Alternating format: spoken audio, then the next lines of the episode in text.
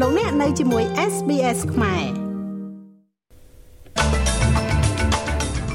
លោកនាយករដ្ឋមន្ត្រីចូលរួមវេទិកាប្រជុំកោះប៉ាស៊ីហ្វិកនៅប្រទេសហ្វីជីបណ្ដាមេដឹកនាំកំពុងជំរុញការឆ្លើយតបផ្នែកជីវសុវត្ថិភាពក្នុងគោលបំណងបង្ការកុំឲ្យជំងឺពងបែកដៃជើងនិងមាត់ចូលមកក្នុងប្រទេសអូស្ត្រាលីលោកហេរ៉ាញឹកសហព័ន្ធការពារសេចក្តីសម្រេចក្នុងការលុបចោលការប្រោលជូនឧបករណ៍ធ្វើតេស្តរហ័សដែលឥតគិតថ្លៃដល់អ្នកកាន់ប័ណ្ណសម្បត្តិ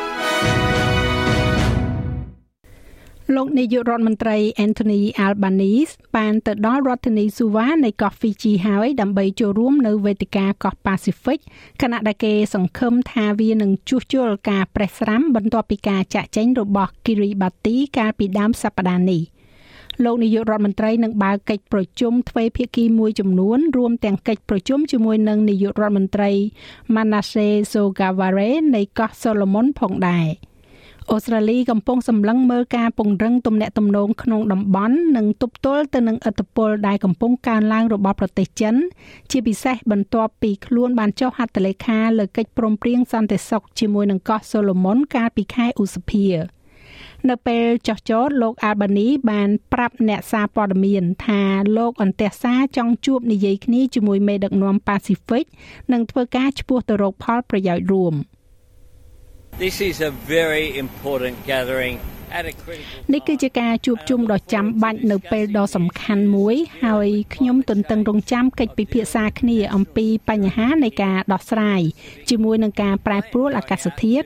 ការដោះស្រាយសន្តិសុខជាតិនៅទីនេះ នៅក្នុងកោះប៉ាស៊ីហ្វិកនិងឆ្ពោះទៅផែនការទៅឆ្នាំ2050 ក្រុមមន្ត្រីចិនបានបង្ហាញខ្លួននៅក្នុងវេទិកាប្រជុំកោះប៉ាស៊ីហ្វិកក្នុងអំឡុងពេលសន្ទរកថារបស់ប្រធានាធិបតីរងសហរដ្ឋអាមេរិកលោកស្រី Kamala Harris ការលេចចេញពីចម្ងាយនេះគឺជារដ្ឋប្រហារការទូតមួយសម្រាប់សហរដ្ឋអាមេរិកដែលកំពុងតែស្វែងរកការប្រឆាំងទៅនឹងវត្តមានរបស់ប្រទេសចិននៅក្នុងតំបន់ដែលកំពុងតែកើនឡើងនេះ វាមិនច្បាស់ទេថាតើមន្ត្រីចិនទាំងពីររូបនេះត្រូវបានអនុញ្ញាតឲ្យមានវត្តមាននៅក្នុងព្រឹត្តិការណ៍នេះឬក៏យ៉ាងណានោះ។លោកស្រីប្រធានាធិបតីរង Harris បានសន្យាថានឹងដាក់ស្ថានទូតអាមេរិកថ្មីចំនួន2នៅ Kiribati និងនៅ Tonga បើទោះបីជាប្រទេសនេះបានដកខ្លួនចេញពីវេទិកានេះមុននឹងចាប់ផ្ដើមក៏ដោយ លោកស្រីក៏បានប្រកាសពីការបង្កើននៅការផ្ដល់មូលនិធិដ៏សំខាន់ដល់តំបន់នេះក្នុងរយៈពេលមួយទសវត្សរ៍ក្រោយដោយនិយាយថាសហរដ្ឋអាមេរិកនិងកោះប៉ាស៊ីហ្វិកមានទំនាក់ទំនងគ្នាដែលមិនអាចកាត់ថ្លៃបាន។ We recognize that in recent years យើងទទួលស្គាល់ថាក្នុងរយៈពេលប្រមាណឆ្នាំចុងក្រោយនេះកោះប៉ាស៊ីហ្វិកប្រហែលជាមិនទទួលបាននូវការយកចិត្តទុកដាក់និងការគ្រប់គ្រងផ្នែកការទូតដែលអ្នកសមនឹងទទួលបាននោះទេ ដូច្នេះនៅថ្ងៃនេះខ្ញុំនៅទីនេះដើម្បីប្រាប់អ្នកដោយផ្ទាល់ថាយើងនឹងផ្លាស់ប្ដូរវារដ្ឋាភិបាលនិយាយថាខ្លួននឹងផ្ដល់ថវិកាប្រមាណជា30លានដុល្លារក្នុងមួយឆ្នាំសម្រាប់រយៈពេល5ឆ្នាំខាងមុខដល់កម្មវិធីតាមផ្ទះដែលគ្រប់គ្រងដល់ឪពុកម្ដាយនិងអ្នកមើលថែឲ្យធ្វើជាគ្រូបង្រៀនដំបូងរបស់កូនកូនរបស់ពួកគេ នេះគឺជាលើកទី1ហើយដែលរដ្ឋាភិបាលអូស្ត្រាលីមានបំណងធ្វើឲ្យប្រសើរឡើងនៅបទពិសោធន៍នៃការផ្ដល់សេវា សម្រាប់សហគមន៍ជនជាតិដើម First Nation ជាភាសារបស់ពួកគេ។មានភាសាជនជាតិដើមភាគតិចជាង250ភាសានៅក្នុងប្រទេសអូស្ត្រាលី រួមទាំងគ្រាមភាសាចំនួន800ភាសាទៀត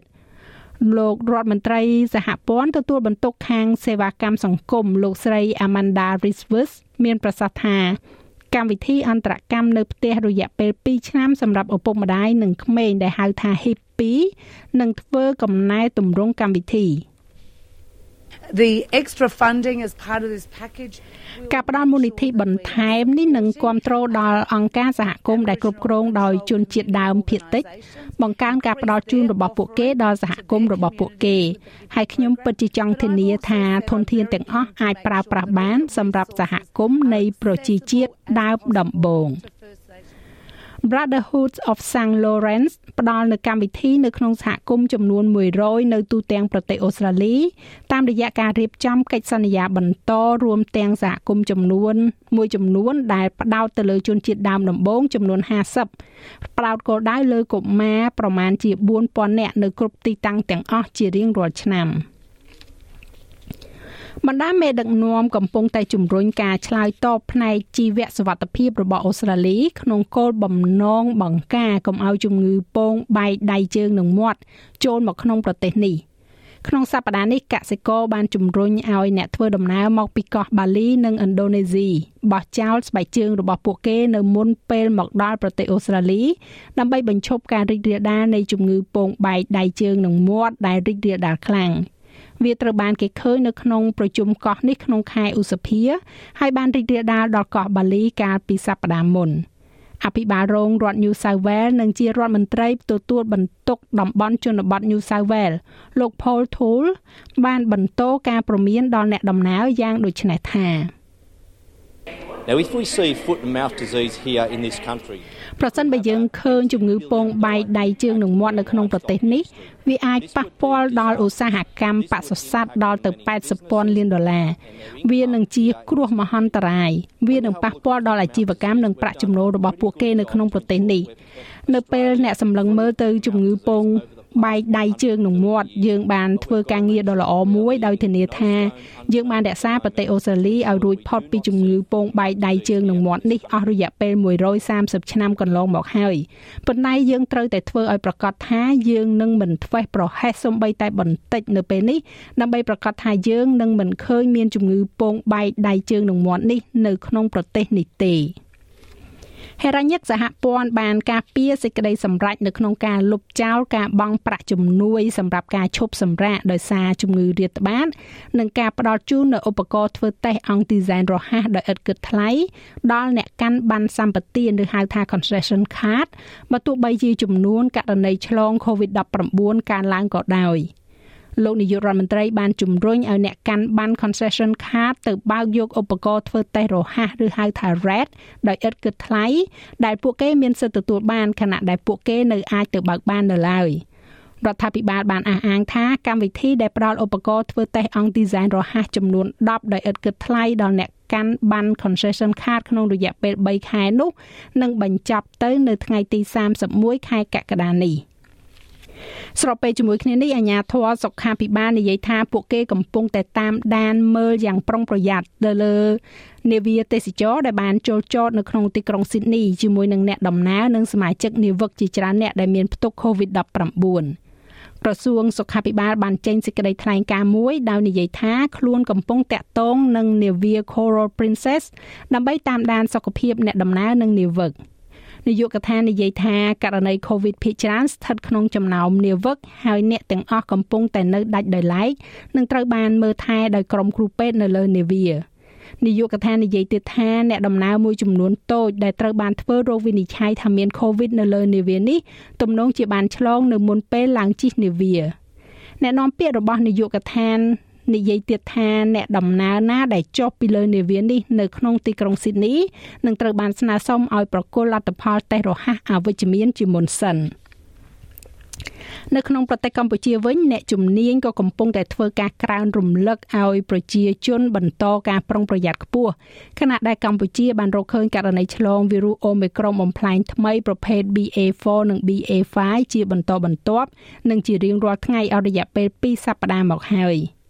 លោកស្រីវិជ្ជបណ្ឌិតអាវ៉ាន់ឌិនរដ្ឋលេខាធិការក្រសួងសុខាភិបាលបានប្រកាសក្រានរំលឹកឲ្យប្រជាពលរដ្ឋបន្តអនុវត្តវិធានការ3ការពារនិង3កុំឲ្យបានម៉ត់ចត់ដើម្បីចូលរួមកាត់ផ្តាច់ខ្សែចម្លងរួមជាមួយនឹងការទទួលវ៉ាក់សាំងដូសជំរុញទាំងអស់គ្នាគឺជាកត្តាដ៏ចាំបាច់បំផុតក្នុងចំណោមអ្នកដែលមានវិជ្ជមានវីរុស COVID-19 ទាំងនោះក៏មានវត្តមាននៃ ពពួកអូមីក្រុងបំផ្លែងថ្មី BA4 និង BA5 នេះផងដែរ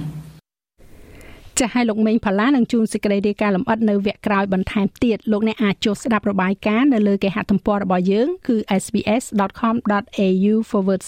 ខ្មែរការប្រកួតបាល់ទាត់ Ukraine Premier League បានប្រកាសការបរិច្ឆេទចាប់ផ្ដើមឡើងវិញនៅថ្ងៃទី23ខែសីហាខាងមុខនេះ រដ្ឋមន្ត្រីទទួលបន្ទុកវិស័យកីឡារបស់ប្រទេសនេះនិយាយថាការប្រកួតនេះនឹងធ្វើឡើងដោយគ្មានអ្នកគ្រប់គ្រងហើយកីឡាដ្ឋាននឹងត្រូវបានបំពាក់ដោយការការពារសម្រាប់សិរ៉ែនវាយប្រហារតាមឱកាសណាមួយមិនមានការប្រកួតណាមួយបានកើតឡើងនោះទេចាប់តាំងពីរុស្ស៊ីបានឈ្លានពានអ៊ុយក្រែនក្នុងខែកុម្ភៈឆ្នាំនេះមកការប្រកួតជុំចុងក្រោយបានលេងក្នុងខែធ្នូមុនពេលដែលលីកនេះបានឈប់សម្រាករដូវរងារយៈពេល3ខែ ក្រុម Shakhtar Donetsk បានឈរនៅលើកំពូលតារាងលីកនេះដោយមានពិន្ទុ47ពិន្ទុដែលទទួលបានពីការប្រកួត18លើក ដែលនាំមុខក្រុម Dynamo Kiev 2ពិន្ទុចំណែកឯអត្រាប្តូរប្រាក់វិញនៅថ្ងៃនេះប្រាក់ដុល្លារអូស្ត្រាលី1ដុល្លារមានតម្លៃប្រមាណជា67សេនកន្លះប្រាក់ដុល្លារអាមេរិកត្រូវនឹងប្រមាណជា2750រៀលប្រាក់រៀលខ្មែរ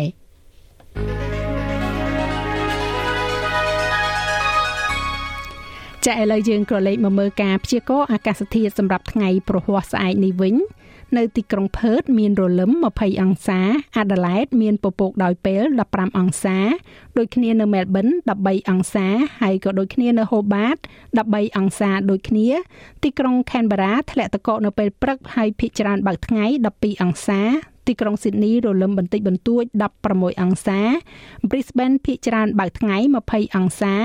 Cairns បើកថ្ងៃ23អង្សា Darwin បើកថ្ងៃ29អង្សា និងទីក្រុងភ្នំពេញមានផ្គររន្ទះ32អង្សា